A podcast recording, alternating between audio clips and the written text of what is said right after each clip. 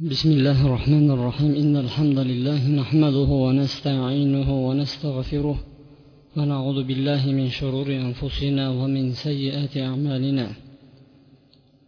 من يهده الله فلا مضل له ومن يضلل فلا هادي له وأشهد أن لا إله إلا الله وحده لا شريك له وأشهد أن محمدا عبده ورسوله أما بعد.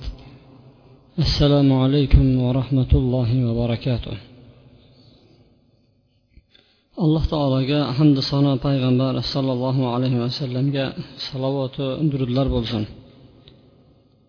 Sizlar bilan biz payg'ambarlar tarixini qisman alloh subhanava taolo qodir qilganicha o'rganib chiqqan bo'ldik. Bugun sizlar bilan payg'ambarlar tarixida navbat muhammad sollallohu alayhi vasallamga kelib to'xtaganmiz. Payg'ambar sollallohu alayhi vasallamni tarixlarini har qancha o'rgansak har qancha e, izlasak bu ozlik qiladi. Endi biz payg'ambar sollallohu alayhi vasallamga yaqin bo'lgan din nasroniy dinining tarixi haqida ham qisqacha sizlarga ma'lumot berib ketishlikni o'zimizga durust deb bildik. Alloh subhanava taolo o'zini oxirgi zamon payg'ambari muhammad alayhissalomni yuborarkan u payg'ambar muhammad alayhissalom barcha zamonlarga hamma zamonlarga hamma makonlarga payg'ambar qilib jo'natgan edi. Payg'ambar alayhissalom aytadiki boshqa payg'ambarlarga berilmagan besh xislat manga berildi. Jumladan dedi payg'ambar alayhissalom men hamma butun olamga payg'ambar bo'lib keldim dedi. Ammo boshqa payg'ambarlar esa o'zini xos ummatlariga payg'ambar qilib jo'natildi. Hozirgi kundagi nasroniy dini faqatgina bani isroilga yuborilgan din edi. Uni iso alayhissalomni o'zi e'tirof qilib aytadiki man dedi bani isroilni adashgan qo'zilariga payg'ambar qilib jo'natildim degan. Faqat bani isroilni ustiga payg'ambar bo'lib kelgan edi. Ammo hozirgi kundagi har xil millatlarni mana bu dinga o'zlarini mansub ko'rishlari nasoro ya'ni iso alayhissalomni diniga bu xilof bo'ladi. Shuning uchun mana bu xiloflardan bu ixtiloflardan o'zimizga bir xulosa olishligimiz uchun shu payg'ambar alayhissalomgacha bo'lgan davridagi bir din haqida sizlar bilan gaplashadigan bo'lsak. Bu biz o'rganmoqchi bo'layotgan din nasroniy din hisoblanadi. Ularni qo'lidagi hozirgi kundagi kitoblari bor. Bu kitobni oti muqaddas kitob deb ataladi. Muqaddas kitob. Bu ikki qismdan iborat. Birinchi qismi yangi eski ahd ikkinchisi yangi ahd deb ataladi. Eski ahd muso alayhissalomga nozil bo'lgan tavrotga nisbat beriladi. Hamda muso alayhissalomdan keyin kelgan payg'ambarlarni xabarlari yozilgan kitobni bitta jamlab turib eski ahd deyishadi. Undan keyingi ikkinchi kitob ikkinchi qismi esa yangi ahd deyiladi. Bu yangi ahd boshqa bir tilda aytiladigan bo'lsa mana alloh subhanava taolo buni injil deb atadi. Injil bu ibroniycha so'z bo'lib turib xushxabar berish odamlarni xursand qilish degan ma'nolarni anglatadi. Ularni qo'lidagi bu injil iso alayhissalomga nozil bo'lgan injilmi? Alloh subhanava taolo iso alayhissalomga nozil qilgan injilmi? Bahsimiz bugun inshaalloh mana shu mavzuda davom etadi. Avvalambor ular hozirgi kunda o'zlarini masihiylar deb ataydi hamda dinini otini masih dini deb yuritishadi hamda shu bilan birgalikda nasroniylar ham deb qo'yishadi. Biz hozir bu arab tilida gaplashyapmiz. Arabchasi masihiylar va bizni o'zbek tiliga tarjimasida ham masihiylar deb yuritiladi. Ammo bu lug'at durust emas. Chunki alloh subhanava taolo qur'oni karimda ularni ahli kitob yoki ahli injil yoki nasorolar deb atadi. Bizlar ham mana shu terminlardan tashqari chiqmasligimiz kerak. Ho'p masihiy degan so'z qayerdan kelib qoldi? Masihiy degan so'z keyingi nasorolarda paydo bo'lgan. Avvalda bu so'kish ma'nosida ishlatgan ayblash ma'nosida ishlatilgan. Xuddi hozirgi paytda masalan qarmatiylar deb qo'yadi. Bir adashgan kabani toshini o'g'irlab ketgan bir toifalar borda shiyalarni ichida shularni masalan qarmatiylar deb turib yo bir yomon bir ma'noda ishlatiladi. Xuddi shunga o'xshab turib avvalida rumliqlar bularni qattiq o'zlarini qo'l ostida olgan paytlarida bularni so'kish ma'nosida masihiylar deb atagan. Keyin borib borib o'zlarini ular biz masihiymiz deb turib bu so'kish ma'nosidagi emas bir faxr ma'nosidagi kalimaga aylanib qolgan lekin musulmonlar alloh subhanava taolo iste'mol qilgan so'zlarni ishlatgani yaxshi. Bu so'zlar nasoro yo ahli kitob yo ahli injil deb aytadigan bo'lsak bu maqsadga hayotda muvofiq bo'ladi. Iso alayhissalom osmonga alloh subhanava taolo uni ko'tardi. Ko'targandan keyin u kishiga iymon keltirgan kishilar qilgan edi. U iymon keltirgan kishilarni adatlari haqida o'zlari turli ixtiloflarni aytadi. Bir yuz yigirmata bir yuz o'ttizta odam iymon keltirgan edi xullas kalom bu ularni bizlarga bergan xabari bo'ladigan bo'lsa ammo iso alayhissalomni havoriylari bor edi. Havoriylar deganni ma'nosi fidoiylar degan. Jonini ham molini ham iso alayhissalomga shunday ollohni yo'liga tikadigan kishilarni havoriylar deb ataladi. Bu havoriylarni soni o'n ikkita bo'lgan. Iso alayhissalom ko'tarilgandan keyin iso alayhissalomni o'rniga bittasi o'xshatildi. Alloh tomonidan ana shu kishini qatl qilishdi ana shu kishini osishdi hojga undan keyingi sahobiylariga uni atbolariga ergashgan havoriylariga aloqa qanaqa bo'ldi xalq bilan deydigan bo'lsa judayam qattiq ularga tazyiq ularni qiynash ularni yo'qotish ishlari olib borildi. Bu deyarli taqriban uch yuz yil davom etadi. Taqriban uch yuz yil xristianlarni qayerda ko'radigan bo'lsa o'ldirish yo'qotish masihiylarni ushladingmi o'ldir degan shiorlar bo'lardi. Bu masihiylar millati kim edi? Millati yahudiylar edi. Millati u kishilarni yahudiylar edi. Ular ikkiga bo'linishdi. Ba'zilari iso alayhissalom tan olishdi ularni otini nasoro deyishdi. Nasoro degani shu iso alayhissalom tug'ilgandan keyin yosh bola bo'lib katta bo'lib yurgan paytida xabar keldiki shu e, rumni katta podshosiga xabar yetdiki bu bolani qo'lida seni o'liming bo'ladi degan gap aytgandan keyin uni o'ldirish payiga tushgandan keyin oyisi bilan misrga hijrat qilishadi. U podsho vafot etgandan keyin qaytib keladi. Tagin turgan joyi nosira degan shaharga kelib turib o'rnashadi. Ana shu yerdan da'vatini boshlaydi.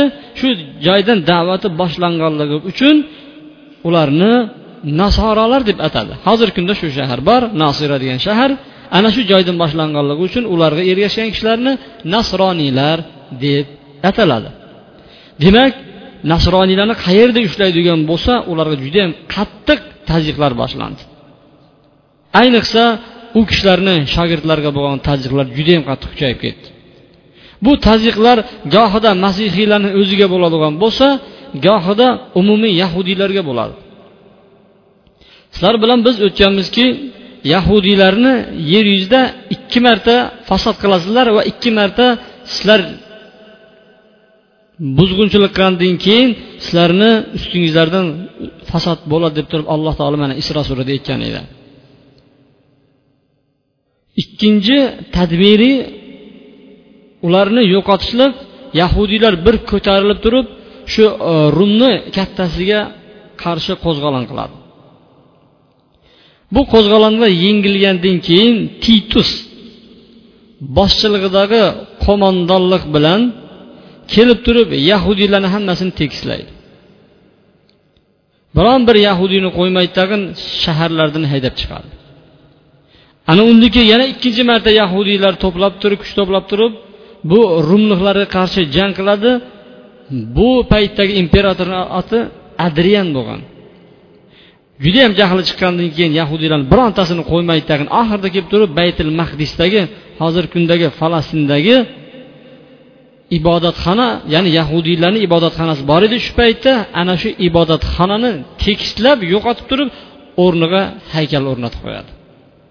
Ya'ni butparastlikni ramzi edi.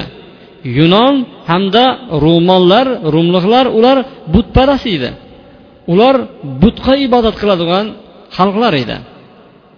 O'zlarini butini haykalini shu yerga o'rnashtirdi tag'in biron bir yahudiyni kirgizmadi.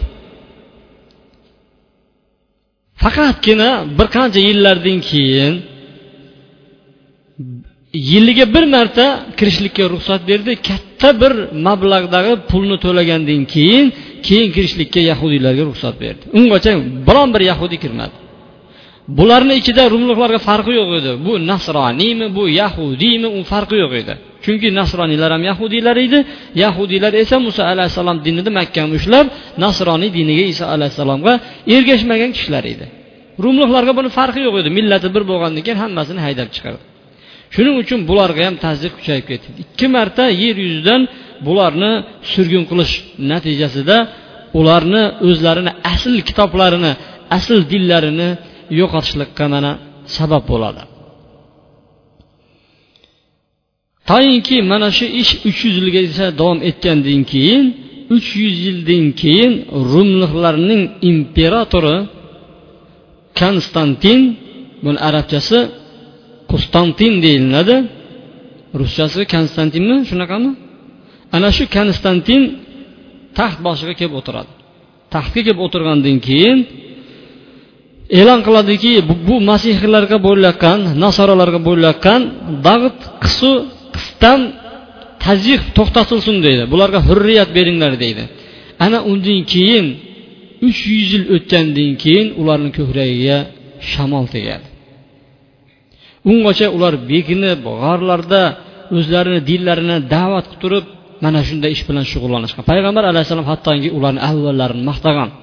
Iso alayhissalom havoriylarga o'xshamaysizlarmi degan ularni boshlariga arra tortib yuborgan paytda ham dinidan qaytishgan emas ekan. Va ularni qatl qilgan har holatda qatl qilgan paytlarida ham ular dinlaridan qaytmagan. Va bu ishni havoriylar qo'lga olib turib atrof atrofga odamlarni yuboradi. Odamlarni atrofga yuborayotgan paytda qarasangki yahudiylarga qaraganda yunonlar bu nasroni dinini qabul qilayotgandan keyin o'zlarini ichidagi bitta vakilini saylaydi tagin bu vakilini ismi barnobo degan kishi bo'ladi. Asli oti uni yusuf o'zi qibrislik hozirgi kipr shahrida tug'ilgan bo'ladi. Kipr oroli bor shu yerda tug'ilgan bo'ladi ismi barnoba ana shuni antakiya tarafga jo'natadi. Antakiya hozirgi suriya bilan turkiyani chegarasidagi joylashgan bir judayam mashhur bir shahar. Ana shu joyga yuboradi. Bularni zimnida ular da'vatini qilayotgan paytda yahudiylarni oilasidan bo'lmish shavul ismli bir kishi judayam qattiq bularga turadi.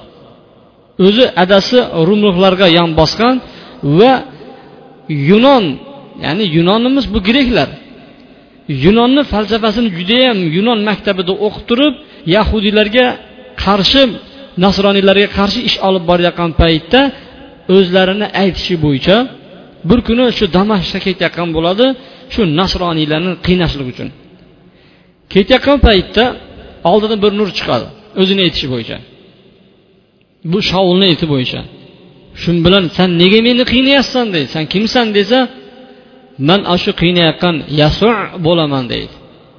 Ahli kitoblar iso alayhissalomni ismini iso demaydi ular yasu deb atashadi arabcha ismi arabcha injillarda kelgan ismi yasu man yasuman deydi. Nega meni qiynayapsan? degandan keyin har xil o'zlarini rivoyatlari bor. Ba'zilar ko'zi ko'r bo'lib qoldi deydi. Ba'zilar man tavba qildim deydi. Shu kundan boshlab turib endi man nasroniy diniga yordam beraman deydi.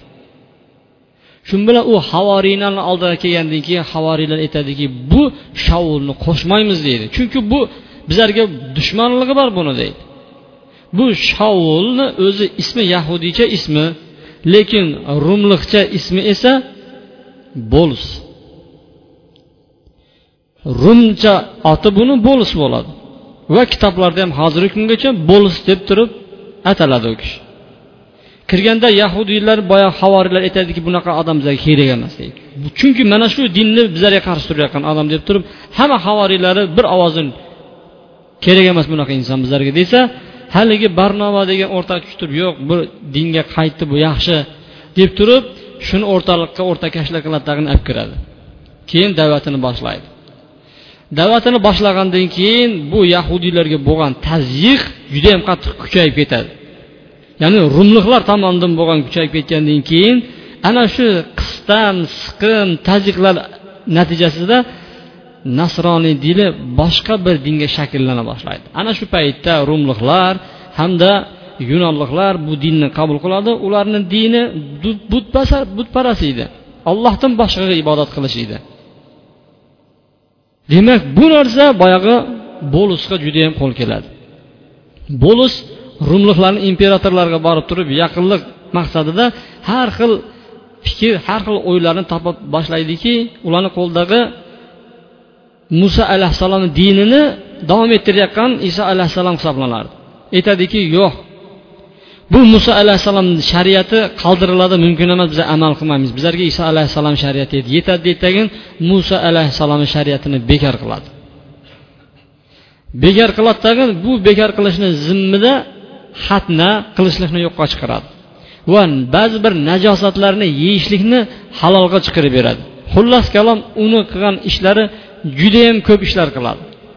Nasroniy dinini judayam buzib tashlaydi qarab buzib buni ko'rgandan keyin haligi yuqoridagi barnoba bunga qarshi chiqadi. Hattoki bu kishi injilni yozishlikka mana majbur bo'ladi. Demak nasroniy dinini buzganni eng avvalgisi mana shu bo'lus degan kishi buzgan ekan. Kirib nasroniy diniga kirgandan keyin rumliklarga borib turib aytadiki bu iloh deydi. Bu iloh iso alayhissalom iloh deydi. Chunki ularda ham uchta xudoga ibodat qilardi. Ular ham uchta xudoga ibodat qiladi va bizlarda ham ikkalamiz ana bir xil kelyapti deganga o'xshab turib ularga sekin sekin yonboshdagini kirib oldi ichkariga. Shuning uchun g'arbda bo'lisni e'tiqodidagi nasroniylar ko'payib ketdi. Lekin sharq cherkovlari buni qabul qilmadi. Ya'ni sharq cherkovlari o'zi boshlangan joyi falastin damashq lubnan ana shularni sharq deb oladigan bo'lsak bu bo'lisni e'tiqodini hammasini ko'tardi. Lekin rumliklar yevropa taraf qabul qildi. Nima uchun? Ular chunki butparast edi.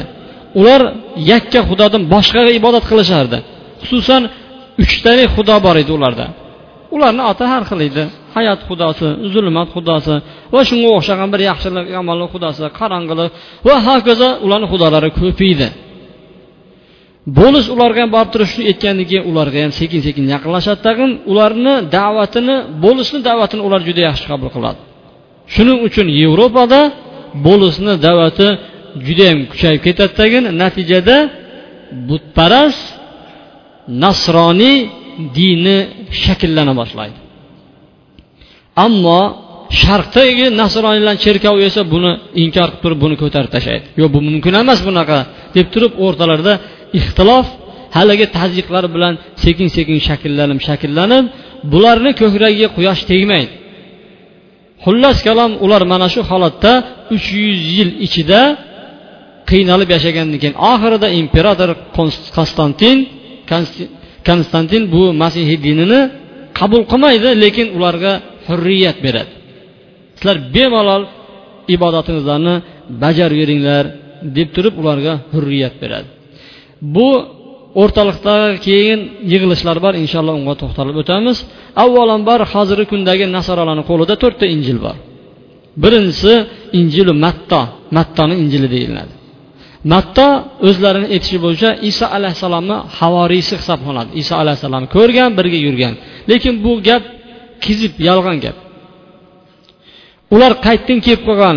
Bu qandoq bizlarga yetib kelganligini isbot qilib berisholmaydi. Faqatgina ismi to'g'ri kelib qolganligi uchun aytib yurishdi ammo payg'ambar alayhissalomni ummatlarga shunday bir katta bir ne'mat berildiki bizga isnod ne'mati berildi. Isnod degani kimdir rivoyat qildi? Palonchidan u kimdan eshitdi? Pistonchidan. Bir ming to'rt yuz yildan oshib ketgan bo'lsa ham islom kelganligiga. Xabarlarni hammasi zanjiri bilan keladi. Falon odamdan falonga bundan pistonni bunga bundan bunga. Hammasini hayotlarini tarixi bor. Yolg'onchimi rostmi qaysi davrda yashab o'tgan? Nasoralarda unaqa emas.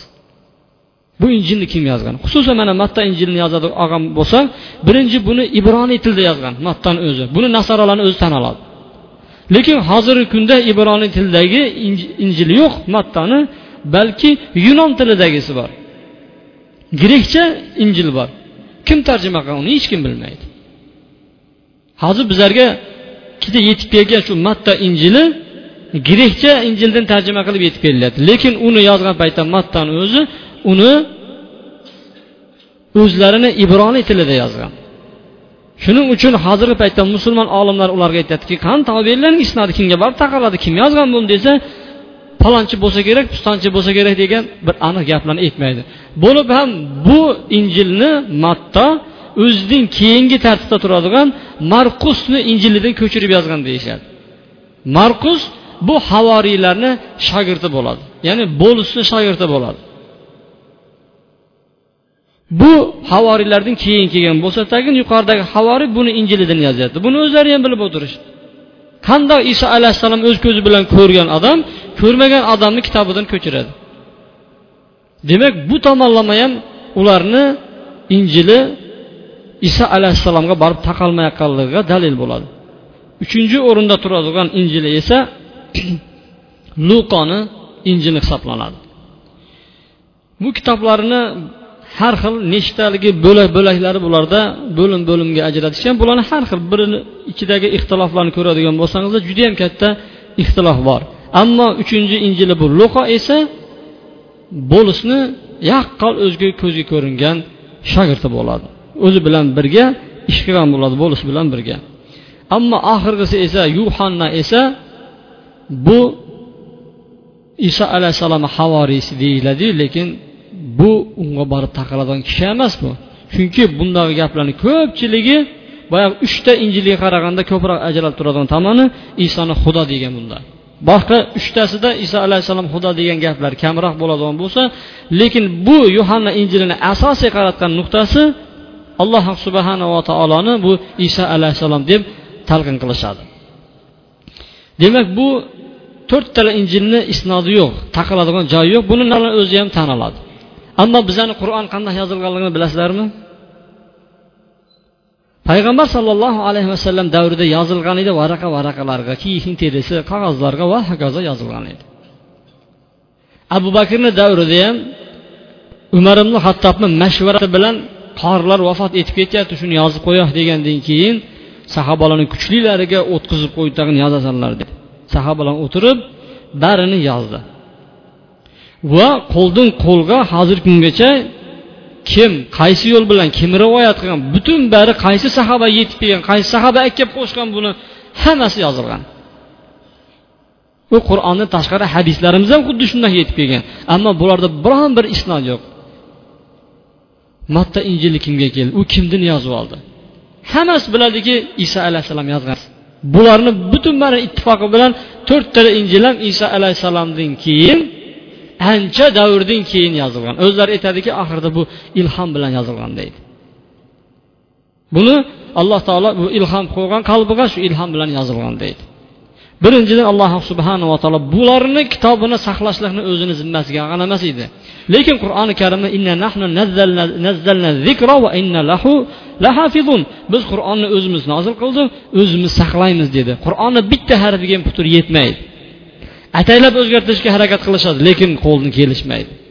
Hattoki yolg'onda basmaxonalarda qur'onni xato bosib turib tarqatilgan shaharlar bo'lgan paytda alloh taolo shu shaharni ichidan qorilarni ko'paytirib yuborgan tag'in shuni ichidagi nomerlarigacha raqamlarigacha bittalab terib olib turib uni hammasini yoqib olishlikqa musulmonlar muvaffaq bo'lgan. Alloh subhanava taoloni o'zi va'da bergan bitta nuqtasi ham qiyomatgacha o'zgarmaydi qur'oni karim. Ammo bularni kitoblarni saqlashlikni o'ziga havola qilgan edi. Yuqoridagi aytgan tazyiqlar judayam kuchayib ketgandan keyin ular saqlab qololmadi bu kitoblarini. Hamda mana yana bitta ular tan olmaydigan injil bor. Bu injilni oti barnobo injili deyiladi. Ho'p barnobo kimdir? Yuqorida aytganda iso alayhissalomni shogirdi. Iso alayhissalomni u eng yaqin havorisi hisoblanadi. Ismi yusuf bo'ladi uni bu injilni taqiqlab qo'yishgan. Bu injilni to'rt yuz to'qson ikkinchi yilda papa tomonidan taqiqlanadiki o'qilmaydigan kitoblar deyiladidagi shu papa tomonidan taqiqlanadi. Buni boshqa bir joydagi bir shu pop deb gapirib turaylik ularni kattalari nega unaqa qildiykin? deydi tagin papa bilan yaqinlashadi tag'in papaga do'st bo'ladi tag'in shu bilan ko'p yurib oxiri maktabasiga kirib birga chiqib birga yurib bir kuni papa uxlab qoladi. Uxlab qolgan paytda boyagi barnoba injilni shundoq dastadan oladi tag'in kiyimiga o'raydi. Kiyimiga o'rab turib boyagi uyg'ongandan keyin endi menga ruxsat berasiz deb chiqadi. O'qib ko'rgandan keyin haligi kishi musulmon bo'ladi. Musulmon bo'ladtagin mana shu kitob hozirgi bizani kunimizga arab tiliga tarjima qilingan ammo bu kitobni tarqalib ketishi esa bir ming yetti yuz to'qqizinchi yilga kelgan paytda ommaviy suratda tarqalib ketadi. Ko'p o'zini imperatorlar maktabasini kengaytirish uchun buni nusxalarini ko'paytirib ko'paytirib oxirida bu ingliz tilidan arab tiliga ham tarjima qilinadi. Ho'p bu kitobni nima uchun o'qimanglar deydi. Aslida bu kishi aytadiki man kitob yozishimni maqsad deydi barnoba. Bo'lus uchun yozdim degan ekan. Bu bo'lus hamma yoqni bunday aytganda biljiratib qo'ydi degan. Hamma yoqni buzdi degan. Man shuning uchun yozyapman deb turib bu injillardan ajralib turadigan tomoni birinchisi masih alayhissalom u inson. U iloh emas ollohni o'g'li emas degan g'oyani yuqori suradi bu birinchisi. Ikkinchisi iso alayhissalom ismoil alayhissalomni qurbonlik qilgan o'g'li deydi. Yahudiylar aytadiki ishoq alayhissalom qurbonlik qilmoqchi bo'lgan desa iso alayhissalomga barnaba savol bergan ekanki nega undoq? deydi deganda uni ollohdan qo'rqmaydigan yahudiylarni ruhbonlari o'zgartirib yuborgan. Lekin aslida so'yilmoqchi bo'lgan o'g'li u ismoil alayhissalom deb turib to'g'risini xabar bergan. Lekin injillarda ularni tavrotlarda esa ishoqni so'ymoqchi bo'lgan deb turib mana shunday yolg'on gaplarni aytadi. Uchinchi ajralib turadigan tomoni muhammad alayhissalomni kelishidan xabar bergan ekan mana shunday xabar keladi sizlarga xalos qiladi sizlarni deganda ismi kimdir deganda muhammad deganda iso alayhissalom atrofidagi jumhur odamlar baqirib yuborgan ekan. Muhammad qachon bizani xalos qilish uchun keladi deb turib hammasi bir ovozdan hayqirishib mana shu gaplar barnoba injilida keladi. To'rtinchi boshqa injillardan ajralib turadigan tomoni iso alayhissalom hajga osilmagan deb aytyapti barnobani o'zi. Balki alloh subhanava taolo buni osmonga ko'targan deb turib bu haqiqatini ham ochib beradi. Endi nasroniylardagi yig'inlar bor. Nasroniylar uchun bular hattoki ba'zi o'rinda injildan ham ortiq turadi. Nasroniylarga ko'kragiga shamol tekkandan keyin o'rtalardagi ixtiloflar juda ko'payib ketgan edi. Ana shu ixtiloflarni bartaraf qilishlik uchun birinchi yig'ini uch yuz yigirma beshinchi yilda tiklanadi. Ya'ni bu konstantin tomonidan yig'iladi tag'in bu majlisda hamma nasoroniylar yig'iladi. Nechtaligi haqida juda yam ko'p ba'zilari uch yuzdan ko'proq degan bo'lsa ba'zilari ikki mingdan ko'proq nasroniylarni poplari yig'ildi deydi. Konstantin qarab turadi tag'in oxirida o'ziga yoqqanini olib qoladi. Ya'ni bu yoqqani bo'lisni shogirdlari yengib chiqib turib iso bu iloh degan qarorga kelib to'xtashadi. Bu konstantin qayerdan biladi uni iloh iloh emasligini. Chunki o'zlarini diniga yaqin bo'lganligi uchun ana shuni saqlab qoladi. Tag'in boshqalarni quvadi boshqalarni la'natlaydi poplarni o'zi kofirga chiqaradi bir birlarini va bu majlisni hukmi shu ilohligi bo'yicha bitadi. Biroq konstantin oxirida shu iloh emas degan so'zga ham qaytgan degan gaplari bor. Lekin u kishini birinchi qurdirgan majlisi shu bilan yakun topadi.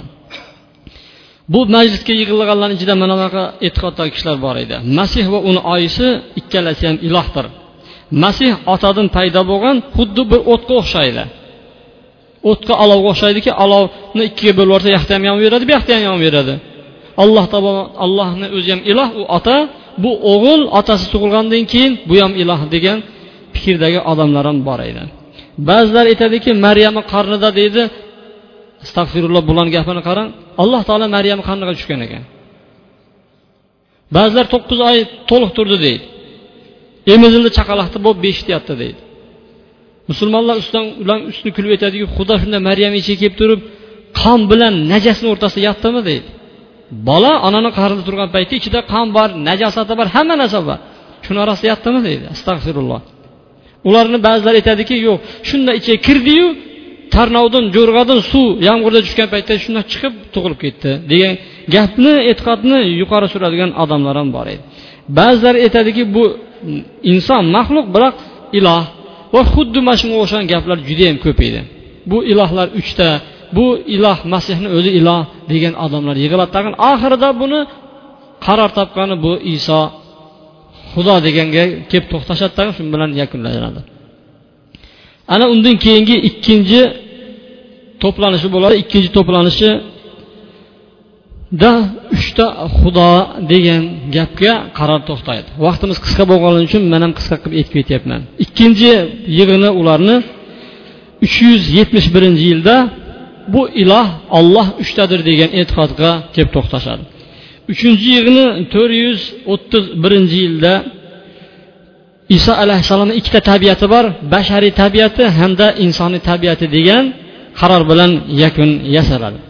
Undan keyingisi esa uch yuz to'rt yuz ellik birinchi yildagi yig'in iso alayhissalomni tabiati bitta. Lekin unda o'zida ikkita sifat bor degan gap bilan to'xtaladi. Shuning uchun ba'zilari katolik bo'ldi ba'zilari pravoslavmi nima deydi? Pravoslavmi shunga bo'linib ketishdi. Bir xillar aytdiki tabiati ikkita dedi ikkinchisi tabiati bitta biroq o'zi ikkita degan gaplarni surishdi. Ana undan keyin yetti yuz ellik to'rtinchi yilda konstantin besh imperator bo'lgandan keyin bu hukm qiladiki boshqatdan yig'in qilinglar deydi. Boshqalardan yig'ilishadi xristianlarni bari poplar. Yig'ilib aytadiki suratlarni bittasini cherkovda ko'rmay deydi. Haj iso alayhissalom asl turgani deydi. Farishtalarni haykallarni bittasini cherkovda ko'rmay deydi. Agar bittangni cherkovda ko'rsang quvaman deydidagin butun bari cherkovdagilar barini tekislaydi. Biron bir cherkovda na surat qoladi na haykalni qo'yadi biron bir narsa qolmaydi. U vafot etgandan keyin xotini o'rniga o'tiradi. Xotin aytadiki hamma surat hamma shakl timsollar qaytsin deb buyruq beradi. Yana cherkovga qaytadi. Xullas kalom mana shunga o'xshagan yig'inlarini man hozir aytmayman bu yerda judayam ko'p yig'inlar bo'lgan. Oxirida bir ming ikki bir ikki yuz o'n beshinchi yilda aytadiki pop kechirishlikka ruxsati bor degan qaror bilan yakunlanadi. Keladidagi gunohkor odam zina qilib o'g'irlik qilib keladidagi popni oldiga kelsa bundoq boshiga suv oladidagi bundoq suvni sachiga sochiga qilib qo'yadiki bo'ldi seni gunohing kechdi ketib ber alloh taolo kechirdi deydi. Va oxirgi yig'ini bu kitobdagi bir ming yetti yuz oltmish to'qqizinchi yilda yig'in bo'ladi. Bunda papa gunoh qilmaydi papa gunohdan saqlangan degan kelishuv bilan bularni majlislari yakunlanadi. Xullas kalom ko'rib turibmizki bularni suyanadigan narsasi yo'q. Bari fikr o'y hayol mana shunaqa narsalar bilan majlis qilib yotibdi. Ammo ularda dalillari bo'lsa isbotlari bo'ladigan bo'lsa bunaqa ixtilof qilishmagan edi. Alloh taolo qur'oni karimda aytyaptiki biz nasoro degan kishilarga ahd bergan edik ular ahdni esdan chiqarishdi. Shuning uchun ularni o'rtasida qiyomatgacha bug'zi adovat yuradi degan. Ular kelisholmaydi qiyomatgacha ular birlasholmaydi. Chunki alloh subhanava taoloni bergan ahdni ular esdan chiqarib qo'yishdi. Bularni ba'zi e'tiqodlari haqida inshaalloh xutbamiz ah, mobaynida suhbatlashamiz. Subhanakallohumma bihamdika ashhadu an la ilaha illa anta astag'firuka va atubu ilayk. Ilohim parvardigor bu islom ummatini o'zing ixtiloflardan o'zing saqlagin. Ilohim parvardigor bilib turib adashib ketishimizni o'zing saqlagin. Bilgan ilmimizga alloh subhanava taolo o'zing bizga amal qilishimizni nasib qilgin. وصلى الله وسلم وبارك على محمد وعلى آله وصحبه أجمعين برحمتك يا أرحم الراحمين. إن الحمد لله نحمده ونستعينه ونستغفره ونعوذ بالله من شرور أنفسنا ومن سيئات أعمالنا. من يهده الله فلا مضل له ومن يضلل فلا هادي له. وأشهد أن لا إله إلا الله وحده لا شريك له. وأشهد أن محمدا عبده ورسوله. أما بعد mana bu nasroniylar alloh subhanava taolo ularga bergan shariat bilan yurar ekan ular o'zlaricha biron bir narsa qilishlikka shariatda haqlari yo'q edi. Xususan ular yahudiylar uchun buyuk bo'lgan kun shanba kunini muqaddas kun deb bilardi va shu kunini dam olish kuni deb turib e'tirof qilishgan edi. Ammo rum imperatori konstantin bu dinni qabul qilgandan keyin ular vataniylar butparastlar edi. Ular yakshanba kunini o'zlari uchun e, muqaddas deb kun deb bilardi yakshanba kuni dam olardi nasroniylar bu dinni qabul qilgandan keyin nasroniylarga aytdiki mana shu dinni biz bayram qilaylik deydi. Yakshanba kunni inglizchasi qanaqa aytiladi? Sendaymi nimadir? Sandeymi sanday degani ma'nosi nimadir? Quyosh kuni degani. Ular sharq quyoshni o'ziga xudo deb bilishadi. Shu kundan boshlab turib nasroniylarni qiblasi sharqqa qarab o'zgarib ketdi. Oldin ular baytil maqdis falastinga qarab turib ibodat qiladigan bo'lsa bu konstantin nasroniy dinini qabul qilgandan keyin yakshanba kuni dam olish qilishdi va ularni mm, qiblasi ham o'zgardi sharqni o'zlariga qibla qilib tutishib oldi. Demak ko'ryapmizki nasroniy dili bu imperatorlarni qo'lida o'yinchoq bo'lib o'ynab har xil mana shunday holatlarga o'tib ketyapti alloh taolo qur'oni karimda aytadiki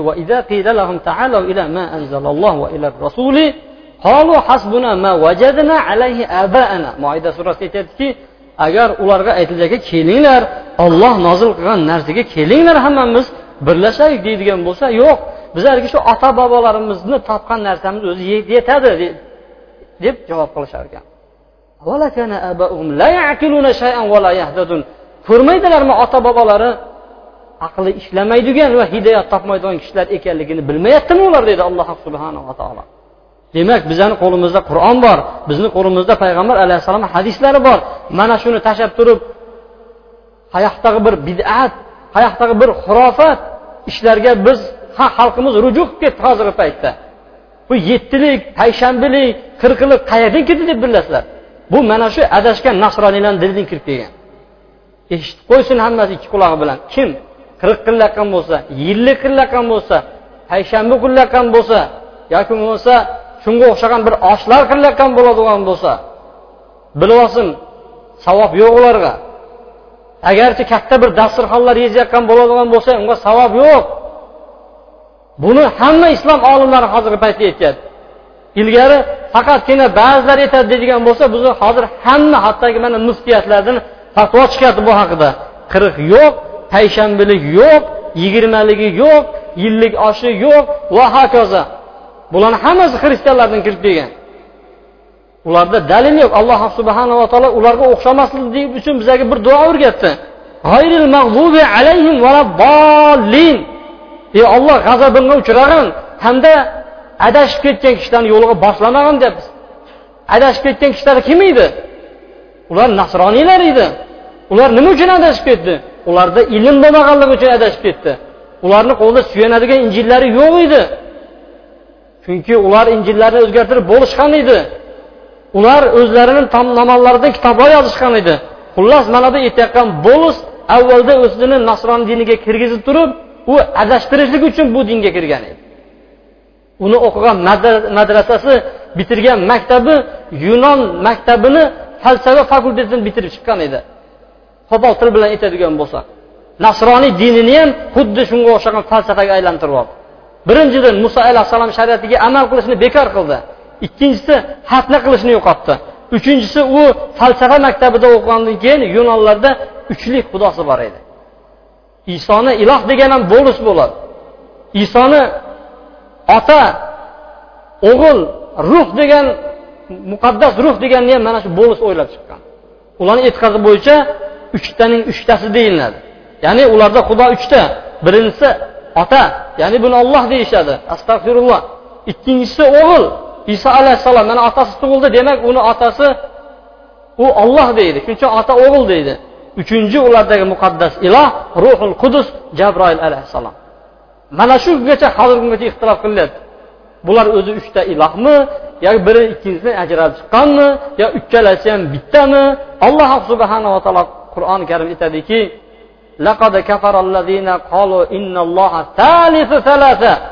ollohni uchtaning uchtasi deganlar kofir bo'ldi dedi qur'oni karimda.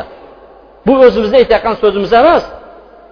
Alloh taolo boshqa oyatlarda aytadiki ular kofir bo'lgan kishilar olloh u masih ibn maryam deyishdi dedi. Alloh taolo bularni aytayotgan so'zlaridan pok. Ular aytdiki olloh bu o'g'il tutdi dedi. Alloh subhanava taolo qur'oni karimda aytyapti mana isro surasida osmon bilan yer yorilib ketay dedi ularni o'g'il tutdi deganidan deydi. Shuning uchun olloh yagona bitta bu fikrni qanaqa edi bo'lsa bu fikrni yunondan olgan edi. Yunonlarda uchtalik xudosi bor edi. Yorug'lik zulmat mana shunga o'xshagan xudolar bor edi. Ana shu falsafadan o'ylab topdi. Alloh taolo qur'oni karimda buni mana bunday marhamat qilyapti yahudilar aytdiki uzayr ollohni o'g'li dedi. Nasoralar ollohni o'g'li bu masih deyishdi. Alloh taolo qur'oni karimda aytyaptiki bu ularni og'zidagi so'zlari. Bu quruq so'z deyapti o'zlaridan oldingi o'tgan kofirlarni so'ziga o'xshaydi bu deyapti demak nasoralarda olloh uchta degan so'z bo'lgan emas avvalida. Buni nasroniy dinini buzgan bo'lisni e'tiqodi bo'lib ham konstantin mana shuni fikrini yuqori surgandan keyin hozirgi kundagi nasoralar mana shunga e'tiqod qilib yurishibdi. Lekin to'g'ri dinni talqin qiladigan nasroniylar bor edi. Payg'ambar alayhissalomga yetib kelgan edi. Musulmonlar habasistonga hijrat qilgan paytda qani bizlarga o'qib berchi qur'ondan degan paytda najoshiga jafar roziyallohu anhu qur'on talovat qilib berdi. Iso alayhissalom tug'ilish voqeasini o'qib bergan paytda yig'ladi najoshi efiopiyani podshosi habashistonni yonida atrofda o'tirgan poplarni butun bari soqollari ho'l bo'lib kitoblari ho'l bo'lib ketdi qur'oni karimni tilovat qilgan paytda. Najoshiyni hassasi bor edi. Mana shu hassasi bilan to'q etib urtagini bitta chizdi. Chizib turib aytdiki sizlarni olib kelgan yo'lingizlar bu muhammadni olib kelgan yo'li dedi. Musoni olib kelgan yo'ldan umuman ayrilmas ekan dedi. Ular tan oldi. Alloh subhanava taoloni yagona iloh ekanligini shu paytda ham tan olardi. Lekin hozirgi paytda ular dinlarini o'zgartirib yubordi. Alloh subhanava taolo qur'oni karimda aytmoqchi ular allohga bergan ahdlarini esdan chiqargandan keyin ularni ichiga bug'zi adovatni kirgizib qo'ydi. Qiyomatgacha mana shunday davom etadi dedi alloh taolo. Alloh taolo hammamizni ham mana shunday zayr adashib ketishimizdan bilib turib noto'g'ri yo'llarga kirib ketishimizdan allohni kitobi payg'ambar alayhissalom sunnatlarini tashlab boshqa bir fikrlarga o'tib ketishimizdan alloh taolo hammamizni saqlagan bo'lsin. Alloh subhanava taolodan o'zimni qolaversa sizlarni hozirdayu va o'tganda qilgan gunohlaringiz uchun mag'firat so'rayman. Zero alloh taolo gunohlarni kechirguvchi mag'firatli zot. Barakallohu fil qur'anil azim. Va nafa'ani bima fihi min al ayati va zikril hakim. Va taba alayya alaykum. Innahu huvat tawwabur rahim.